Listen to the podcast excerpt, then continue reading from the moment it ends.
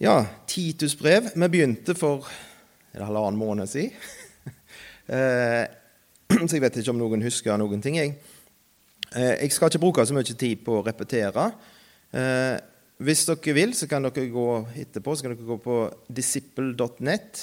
Der ligger det litt øverst om det som ennå gjenstår, står der. Og så ligger det litt annet òg øverst der om det som vi skal snakke litt om i dag. Men vi skal begynne med å lese det første kapittelet i Titus brev. Paulus, Guds tjener og Jesu Kristi apostel, til å føre Guds utvalgte til tro og til å kjenne den sannhet som hører til Guds frukt, i håp om evig liv. Det har Gud, som ikke kan lyve, gitt løfte om fra evighet av. Og nå, til fastsatt tid har han åpenbart sitt ord i den forkynnelse som er betrodd meg etter befaling fra Gud, vår Frelser. Til Titus, min ekte sønn, i vår felles tro.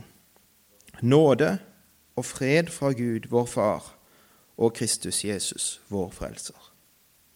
Jeg lot deg bli igjen på Kreta for at du skulle ordne det som ennå sto igjen, og innsette eldste i hver by, slik jeg påla deg. En eldste må være ulastelig. Han må være én kvinnes mann og ha troende barn som ikke har ord på seg for utskeielser eller oppsetsighet. For en tilsynsmann må være ulastelig som Guds husholder, ikke enrådig, egenrådig, ikke bråsint, ikke drikkfeldig, ikke voldsom, ikke lysten etter ussel vinning. Han må være gjestfri, glad i det gode, sindig, rettferdig, hellig, avholdende. Han må holde fast ved det troferdige ord i samsvar med læren, slik at han kan være i stand til både å formane ut fra den sunne lære og til å gjendrive dem som sier imot. For det finnes mange gjenstridige, særlig blant dem av omskjærelsen, som farer med tomt snakk og fører folk vill. Dem bør en stoppe munnen på, for de fører ulykke over hele familier ved å lære det de ikke bør, for ussel vinnings skyld. En av dem, en profet av deres eget folk, har sagt:" Kretere er alltid løgnere, onde villdyr, dovne storetere. Dette vitnesbyrdet er sant.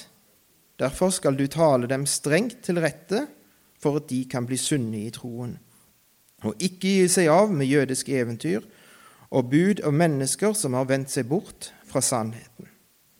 Alt er rent for de rene, men for dem som er urene og vantro, er ingenting rent, men både deres sinn og deres samvittighet er urene.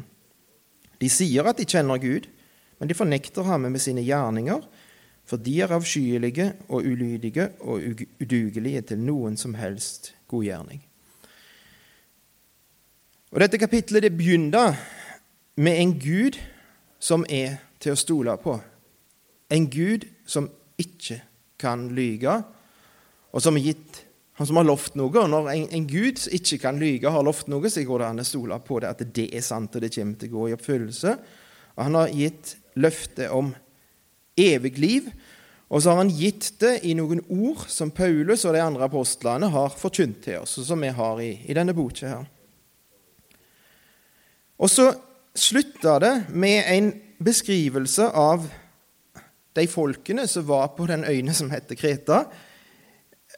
En beskrivelse som blir sagt òg er sanne, altså som ikke er løgn. Og sannhet det er det som er i samsvar med virkeligheten, med sånn som ting er.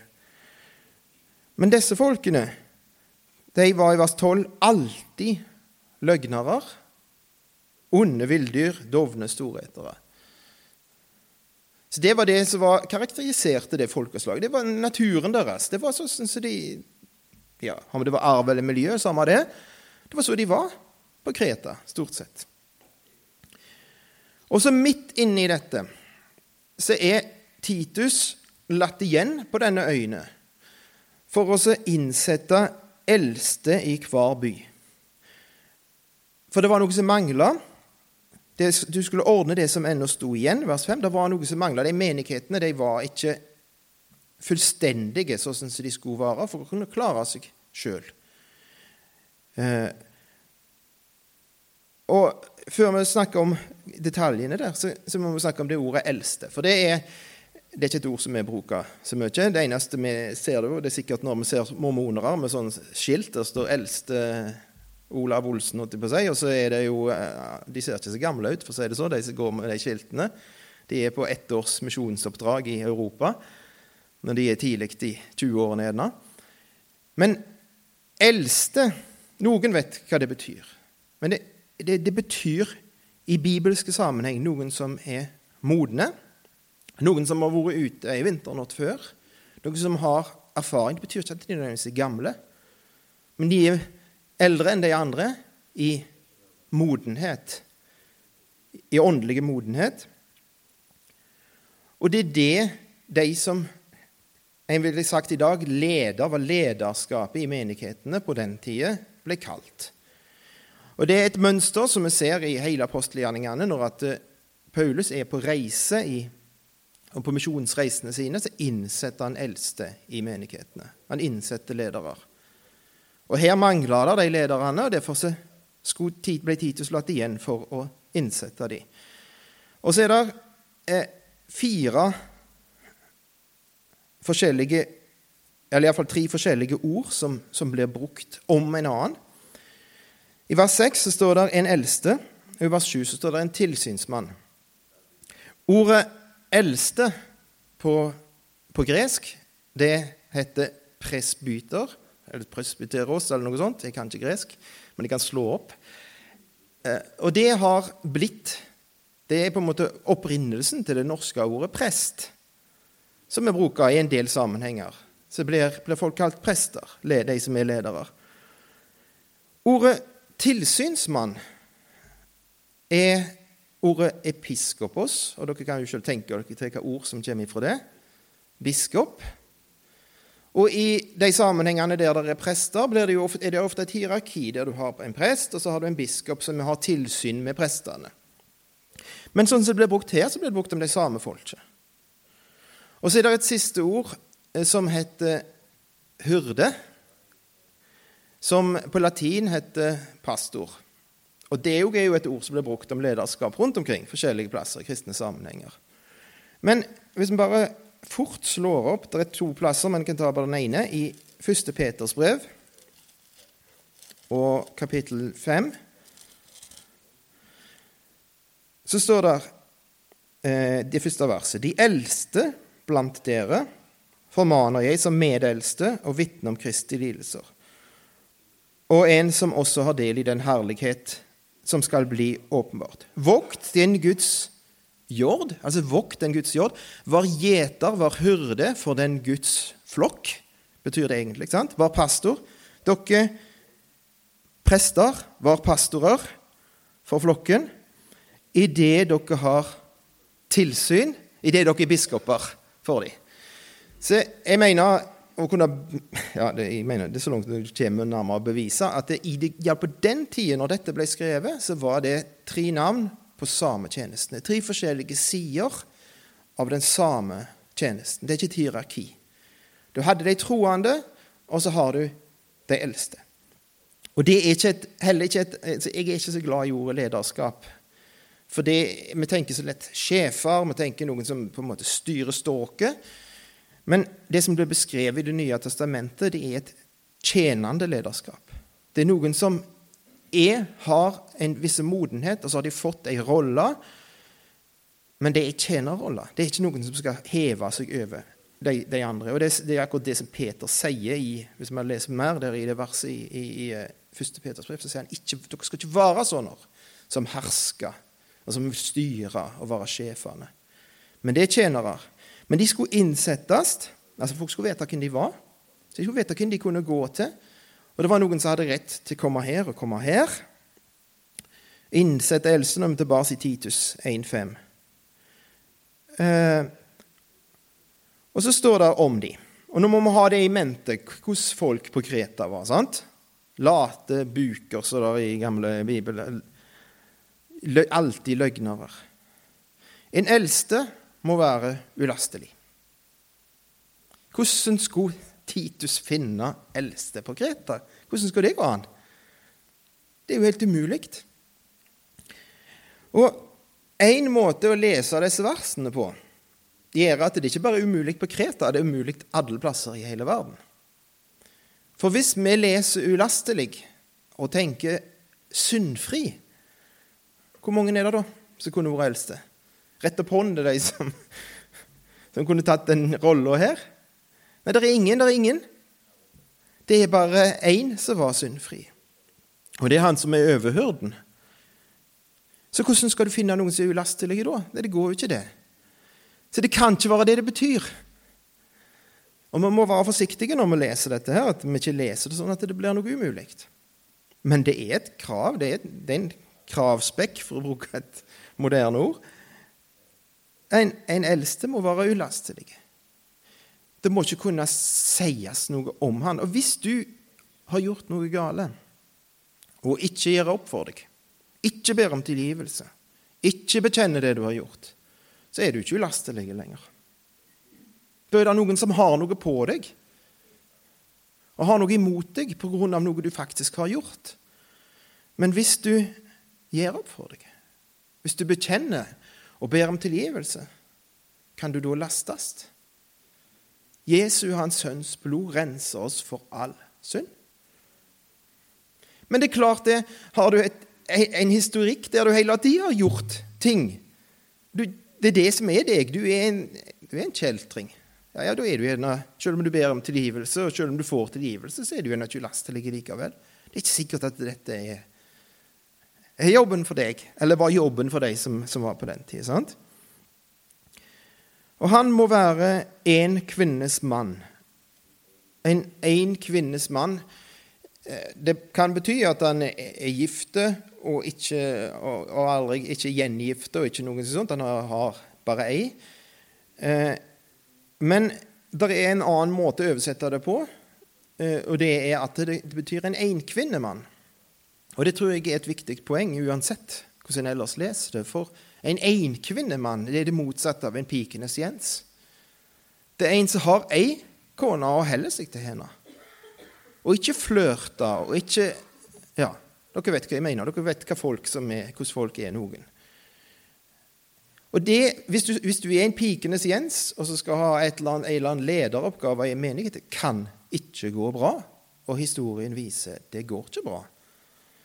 Så han må være en enkvinnemann. Og så står det òg han må ha troende unger. Og det er jo en ting som Står, står det i, i 2011-oversettelsen? Ja, det gjorde det. Jeg sjekka det. Men i, i, eh, i, eh, andre, i engelske oversettelser så står det 'trofaste unger'.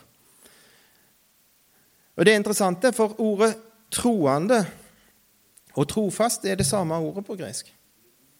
Det, det har med troverdighet å gjøre, det har med å være til å stole på å gjøre. Og Hvis du er troende, så tror du at Gud er til å stole på. Og hvis du er trofaste, så er du til å stole på. Og jeg tror personlig, det kan en være uenig om, men jeg tror personlig at det her handler om trofaste unger. For det er ingen som kan bestemme om ungene deres skal være troende eller ikke. til sjuende sist. Vi har et ansvar for å fortelle dem. Vi, en, vi kan gjøre feil som gjør at de ikke er det, tror jeg. Det er så alvorlig. Men til sjuende sist så er det ingen som sitter med ansvaret for om de har troende unger. Men hvis en en med leder, et lederansvar har unger som er ikke til å stole på, og som har det står det videre, ord på seg for utskeielser og oppsetsighet, så blir det vanskelig.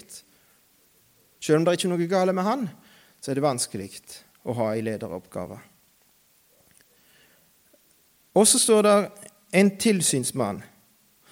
Og da er det en som Det, det er den sida av det som har med å passe på å gjøre. Og stå litt høyere oppe, på en måte, så du ser folk. Og så kan du, kan du se hvor er det behov, hvor er det farer, hvor er det ting det må gjøres noe med. Ha tilsyn, en tilsynsmann. Men han må være ulastelig som Guds husholder. Igjen dette ordet ulastelig. Det skal ikke være noe å sette fingeren på. Ikke egenrådig. I, I, Det nye testamentet, når det står om, om eldste eller om hurder, eller om, er det alltid i flertall. Så det er ikke én manns, én mann på toppen, og så alle andre er under. Det er ei gruppe med folk som utfyller hverandre, og som skal jobbe sammen. Hvordan går det hvis du er i gruppe og skal jobbe sammen, og det er noen som er egenrådige? Er noen som har sittet i et styre med noen som er egenrådige? Eller jobber med noen som er egenrådige? Det går ikke så bra, det. Sant? Så du må kunne samarbeide, du må kunne bøye deg for andre sin vilje. Si OK, dere, dere har Den hellige ånd, dere òg. Det er ikke sikkert jeg har rett. Og så står det at han ikke må være bråsinte. Og det sier seg òg sjøl. Folk som er hissige, folk som tar båndtenning, da, sier de ting som de treger på etterpå, men som er etter dette merker og sår som ikke går vekk. Ikke drikkfeldig. Ikke en som har problemer med, med alkohol. For akkurat det samme det har med de farene som det fører til. Den gjør ting og sier ting som en aldri skulle ha gjort eller sagt. Ikke voldsom. Kanskje ikke et maktmenneske. En som bruker sin autoritet, sin makt, til å få viljen sin. Ikke en voldsom mann. Og ikke lysten etter ussel vinning. En som ikke har lyst på å tjene på dette, enten på penger eller på andre måter, og få noe for seg sjøl på denne rollen. Og så står det noen positive ting. Dette var det negative som ikke skulle være, men så står det at den var positiv. Gjestfri, som egentlig betyr glad i fremmede på, på, grunnspråket. Altså ikke bare at du inviterer kameratene dine og vennene dine på besøk ofte, for det er det mange som gjør. Alt etter hvordan de er av personlighet, så inviterer de folk og liker å ha folk. Men å elske fremmede, det betyr også å invitere de som du ikke har så mye med å gjøre til vanlig. Og Jeg har en, en svigerfar. Han er introvert. Han har vært eldste i mange år. Jeg tror ikke han er det lenger, for han er over 80 år. Men, og han, han liker helst å ha fri og ro og ha huset for seg sjøl. Eh, men han har ei kone som hele tida har invitert folk. Og spesielt i den rolla som eldste, så har det betydd utrolig mye i den i menigheten der nede i Tyskland, som de er. For at de har hatt folk på besøk, og så, så går praten løs, og så får de snakket med folk. Og så kommer ting fram. Og så har han fått gjøre den jobben for at han ikke, i det tiden, var ikke så voldsomt glad i å ha fremmede på besøk, han med kona var det. Men det har med oss å invitere folk som du gjerne ikke har så mye med å gjøre òg. De som du gjerne ikke har deler personlighet med. og så ikke bare skal være glad i fremmede, men også skal være glad i det gode, i det som er godt. Og Da strekker du deg etter det som er godt, og det er en, en god ting å være glad i det gode. Og så står det 'sindig'. Det betyr at det, det er ikke bare følelsene som styrer deg, men det er over tankene. Du, du tenker gjennom det du gjør. Og så står det at en skal være rettferdige. En som ikke gjør forskjell på folk. Hellige. En som passer på at livet er rent. En som lever for Gud. Og avholdende står der, og det betyr ikke avholds. For det står et, det med alkohol det står lenger oppe. Og Det er ikke avholds, men det er måtehold. Men han må være avholdende. Og Hvis dere ser i 2011-oversettelsen der, så står det at han må være herre over seg sjøl. Altså avholdende i den betydningen at du kan nekte deg sjøl ting. Du kan si nei til deg sjøl og til dine egne behov. Og så må han heller fast ved det troverdige ord i samsvar med læren, slik at han er i stand til å både formane, altså oppmuntre, trøste og gi folk et lite push i rette retning ut ifra den sunne læra. En som kan bruke Guds ord, og en som kan gjendrive de som sier imot. En som kan òg ta et oppgjør med ting som er feil. Ja. Så det er ei vanskelig liste. Vanskelig for Titus å finne sånne folk. Men det skulle være det. Og det var viktig.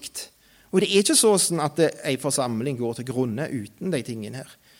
Det er noen hus som er uten, uten lister i 30-40 år. Det mangler ei list både her og der. Det, det funker jo helt fint. Dette er litt viktigere enn en lister. Men Det betyr ikke at huset raser sammen uten dette. Men det er viktig.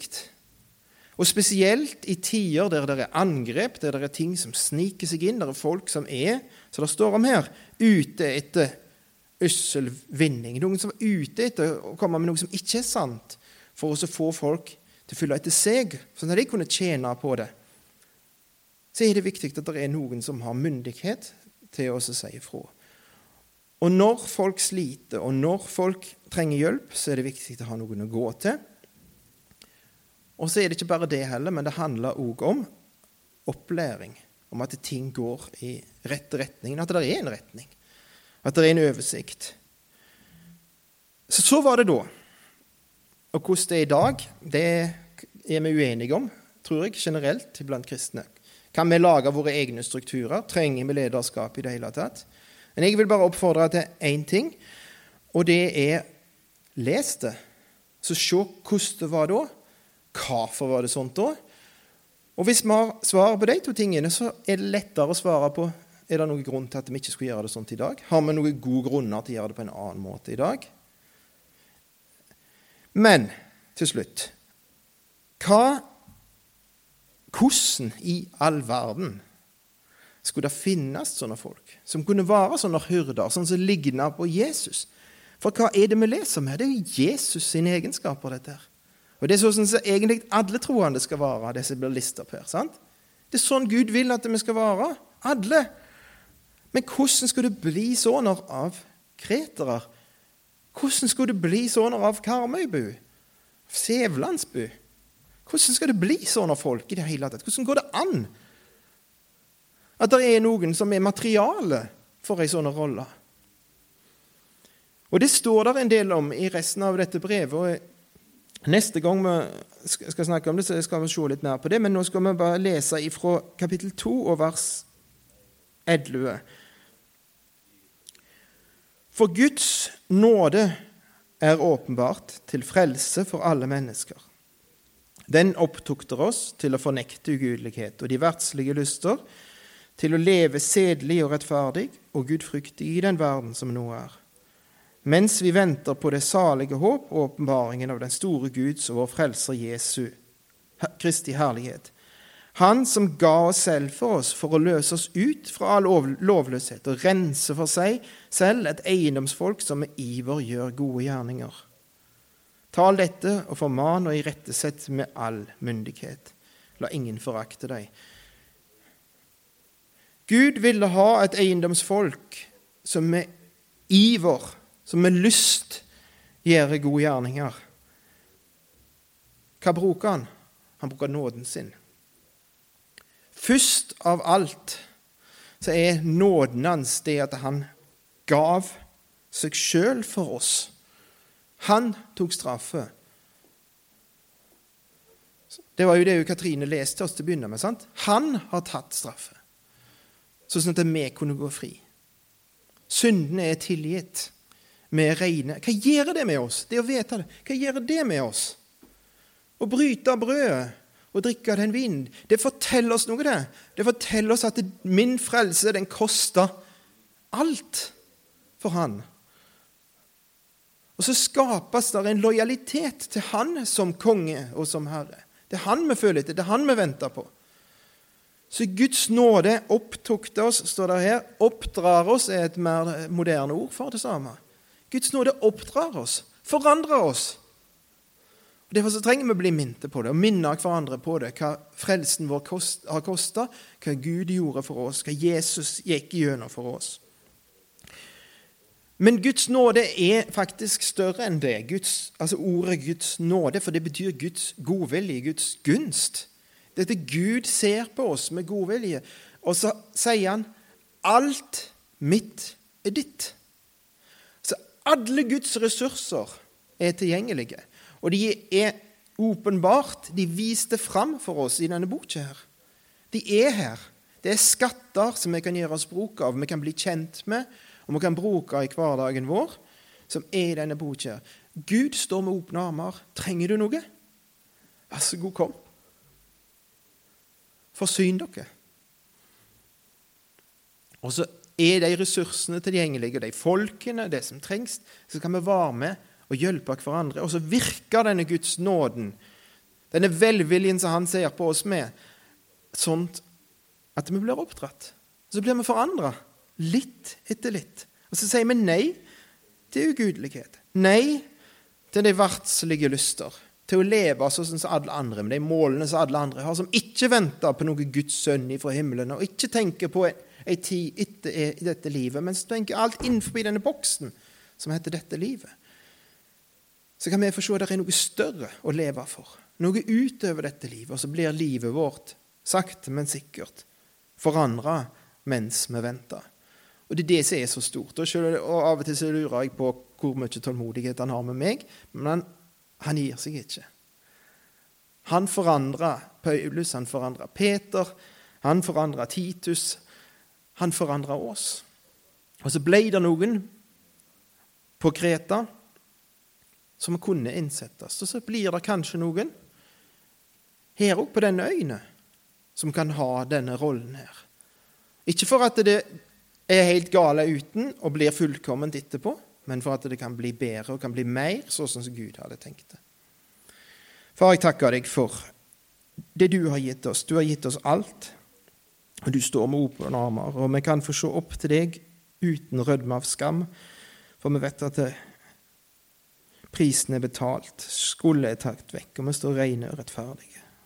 Så ber jeg at, om at du utruster folk iblant oss. Ikke bare folk iblant oss, men utruster oss alle. At vi kan få bli mer like Jesus. Kan bli sånne folk som, har her, som er blitt beskrevet her. Ber for denne forsamlingen her. Ber om at det, den må vokse både i, i, tal og i modenhet. At eh, du får viljen din. At det blir et, et lys for omgivelsene. Og en plass der folk kommer og får styrke og får mot til å møte hverdagen. I Jesu navn. Amen.